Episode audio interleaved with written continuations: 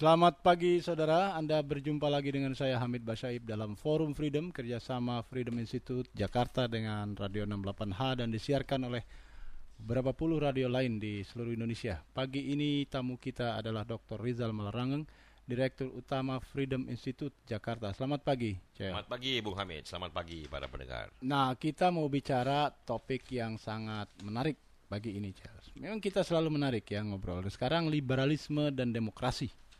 Mantap. Ini, ini penting, tema besar. Menarik sekali. Jadi liberalisme ini adalah sebuah apa paham pemikiran yang punya tujuan utama memperbesar kebebasan individu dan ya. mendorong kemajuan sosial. Ya. Jadi liberalisme dan demokrasi sekarang ini umum dianggap sebagai dua hal yang tidak terpisahkan dan tidak ya. terelakkan, terutama dalam tata pemerintahan, tata apa serta tata masyarakat. Nah, masalahnya Cel, banyak tantangan terhadap liberalisme dan demokrasi ini atau demokrasi liberal. Misalnya baru-baru ini ada fatwa MUI ya, justru persis mengharamkan atau menentang paham ini ya liberalisme selain pluralisme dan sekularisme. Nah, di bidang ekonomi juga begitu ya. Tradisi kita rupanya masih banyak yang anti liberal, mungkin dikaitkan dengan kolonialisme dan sebagainya, yeah. tetapi kita lihat secara gampangan saja kalau kita ambil 10 ekonom mungkin 11 anti liberal. Yeah. Kira-kira gitu. Nah, Anda punya apa ide apa? Apa sebenarnya yang dimaksud liberalisme? Menurut uh, yang Anda Iya, gam ya gampangnya saja. Ini kan kita bicara dengan dua konsep besar ini. Satu demokrasi artinya kekuasaan rakyat demos rakyat kratein itu kekuasaan atau pemerintahan. Yang satu liberalisme dari akar kata bebas uh, jadi sama dengan freedom. Yang satu bahasa Latin satu bahasa uh, Yunani. Intinya adalah ke manusia bebas atau uh, kalau kita lihat dengan perspektif filosofis adalah sebuah tata pemikiran di mana yang menjadi tumpuannya adalah manusia bebas.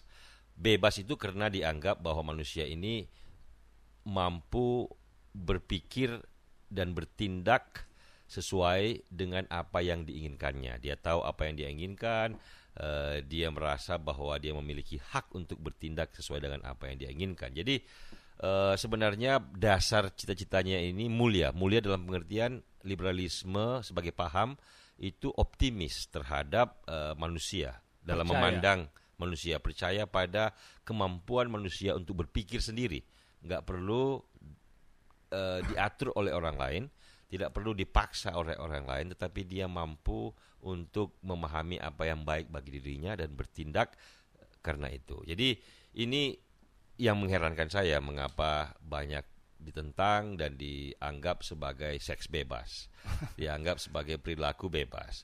Nah, eh, dan biasanya jorok-jorok Yeah. Kalau sudah bicara soal bebas, jorok, padahal sama artinya dengan merdeka. Bangsa bebas, manusia bebas. Bukan kalau bangsa yang jorok ya? Enggak jorok gitu loh. uh, apa namanya bangsa merdeka, manusia merdeka itu kan itu kan satu tataran yang sama walaupun unitnya berbeda. Kenapa kalau bangsa harus merdeka dan perlu merdeka dan baik jika merdeka, mengapa individu jika dia merdeka dianggap jorok, bahaya dan kemudian harus dibatasi? Ini ini kadang-kadang bersumber pada ketidakpahaman yang uh, agak sistematis terhadap paham-paham modern.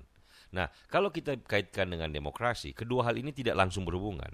Karena demokrasi bisa tidak liberal, demokrasi bisa liberal. Makanya uh, predikat liberal perlu bagi demokrasi. Karena demokrasi bisa mengandung unsur yang iliberal, bisa yang liberal. Nah, kalau kita lihat hubungan keduanya, demokrasi yang modern hanya bisa tumbuh dengan sehat dan tumbuh dengan langgeng jika dia mengadopsi unsur-unsur yang liberal dalam pengertian bahwa jika manusia yang diatur oleh sistem demokrasi itu adalah manusia-manusia yang mandiri yang mampu memilih bagi dirinya sendiri yang tahu tentang apa yang baik dan tidak baik buat dirinya sendiri. Nah, ini kan eh, singkatnya dasar yang disebut sebagai uh, demokrasi liberal. Nah, kalau kita lebih jauh bicara soal liberal, kan ada pertanyaan. Jika semua manusia bebas untuk bertindak sendiri menurut apa yang diinginkannya, apa yang dianggapnya baik. Nah, bagaimana jika terjadi benturan? Kan lain kepala, lain maunya, lain hati, lain uh, ininya, uh, niatnya gitu. Jadi makanya pemikir-pemikir liberal datang dengan sebuah formula bahwa Anda bebas sebebas-bebasnya sejauh Anda tidak mengganggu atau mengancam atau membahayakan orang lainnya. Artinya batas kebebasan Anda adalah kebebasan orang lain. Yes, jadi dia berhenti manakala Anda sudah mengancam kebebasan orang lain. Itu aja formula simpelnya. Tentu saja dalam praktek tidak simpel. Apakah merokok itu membahayakan orang lain? Kalau membahayakan perlu dilarang apa tidak? Kalau dilarang bagaimana bentuknya? Itu formulasi praktis. Tetapi ide dasarnya bahwa sejauh Anda tidak membahayakan orang lain, Anda bebas. Kenapa Anda harus diatur? Kalau saya lempar rumah orang, Oh itu Anda nggak bebas melempar rumah orang. Anda tidak membebas menipu saya. Anda tidak bebas me menghukum saya. Anda tidak bebas membunuh saya kan? Itu kan jelas batas kebebasan. Karena orang-orang lain tadi Persis. punya kebebasan pula. Persis. Ya? Tapi kalau untuk memilih istri Anda, untuk memilih partai Anda, untuk memilih sekolah Anda, untuk memilih baju Anda, untuk memilih calon pacar Anda, untuk memilih rumah tinggal Anda, Anda bebas dong memilih. Itu kan walaupun tidak dikatakan itulah dasar-dasar paham liberal. Anda bebas dong untuk bekerja di mana yang Anda sukai. Anda bebas juga untuk memilih agama Anda. Saya kan tidak anak saya saya bisa berkata, "Oh, kau ikut saya."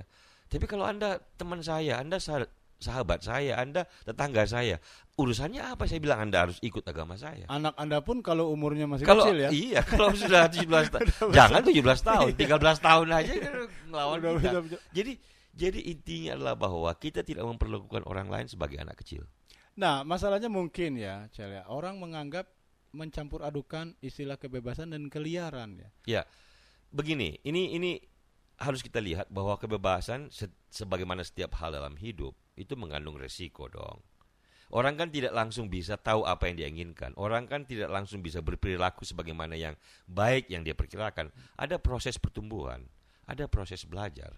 Nah, kadang-kadang ya kan kalau kita lihat potret manusia-manusia yang ada, ada orang mudanya nakal, kemudian dia tumbuh lebih matang, lebih dewasa. Atau ada sebaliknya. juga sebaliknya.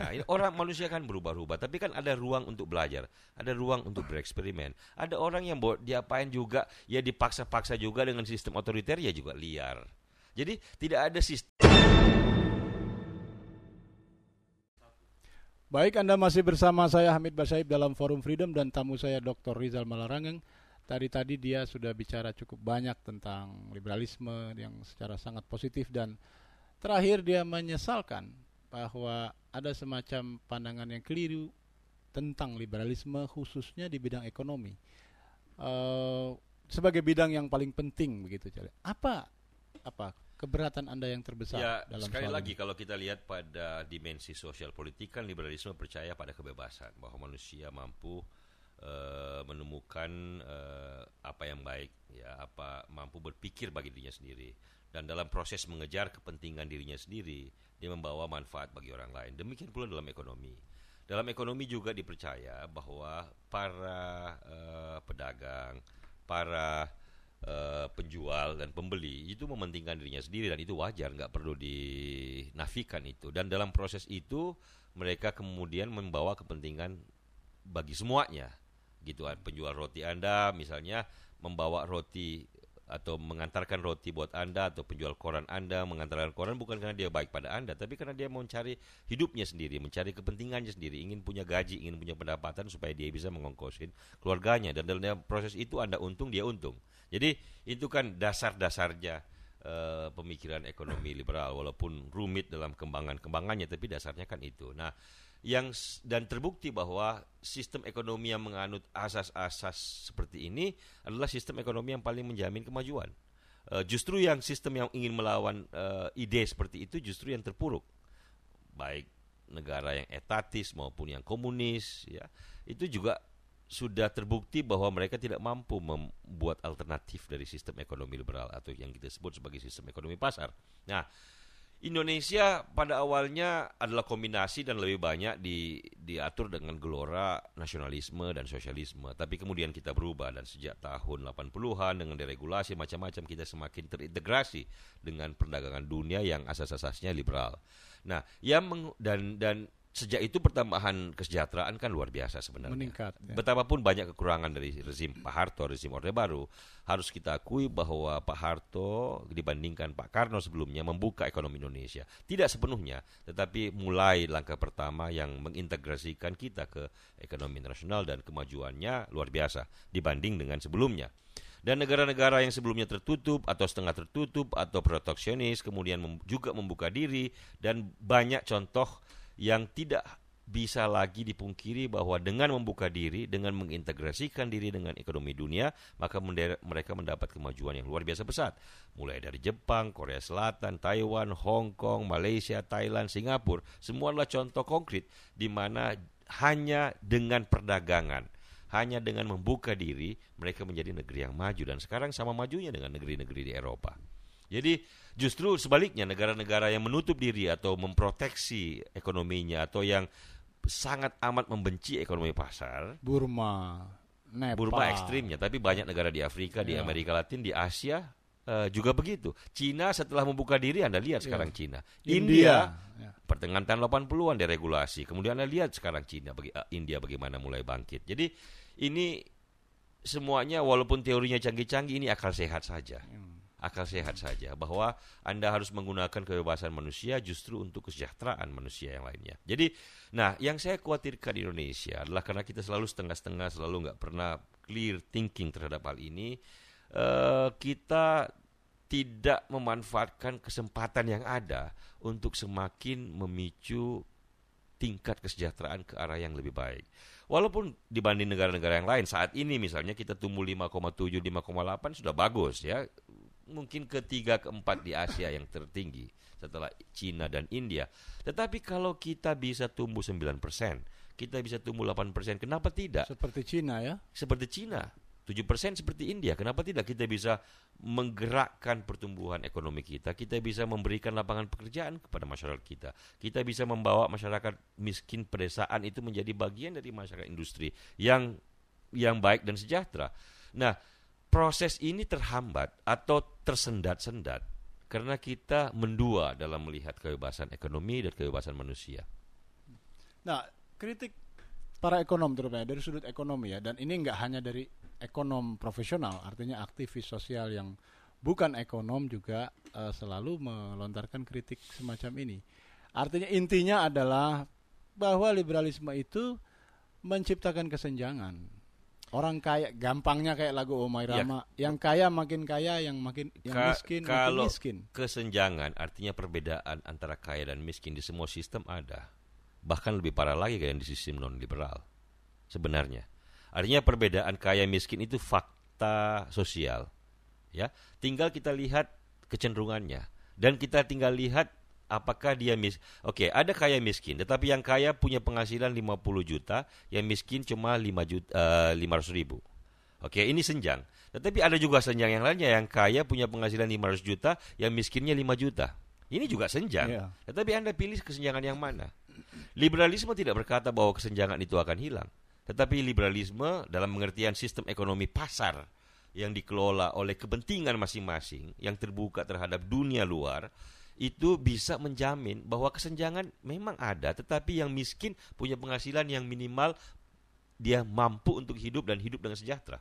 Yang Anda maksud adalah orang miskin di negara maju berbeda dengan orang miskin di negara persis, miskin. Persis. Kalau miskin di negara-negara yang katakanlah tertinggal, Anda praktis tidak punya apa-apa. Kalau Anda miskin di New York, Anda punya apartemen, Anda punya mobil, Anda punya televisi, Anda bisa sekolahkan anak. Miskin dalam pengertian Amerika, tetapi Anda punya kelengkapan-kelengkapan hidup di mana Anda bisa menjadi manusia yang punya martabat. Dan mereka juga dapat tunjangan sosial. Kalau toh ekstrimnya mereka dapat tunjangan sosial. Nah ini berlawanan nggak dengan prinsip liberalisme tidak berlawanan ekonomi. tidak berlawanan sama sekali. Karena dia menjadi bagian dari liberalisme modern adalah liberalisme yang mengakui bahwa negara juga punya punya fungsi. Punya peran ya. Tidak ada satupun negara di dunia ini di mana negara tidak punya peran sosial seperti itu. Nggak ada. Nggak ada. Nah itu salahnya saya kira ya kritik mereka seolah-olah apa? Men, agama liar gitu. persis. Gitu. tetapi kan begini anda tidak mungkin menanggung orang miskin kalau Anda tidak punya uang. Oh menanggung itu kan mengandaikan Anda punya uang. Artinya Anda bikin kaya dulu di sektor-sektor. Yes, ada yang tumbuh, ada yang berkembang. Ekonomi ini maju. Dengan ekonomi yang maju, selalu ada orang miskin, tetapi orang miskin itu bisa ditanggung dan diberikan kehidupan yang layak. Hmm. Kalau Anda tidak majukan ekonomi ini, Anda tutup ekonomi ini, Anda hambat dia dengan segala macam ilusi.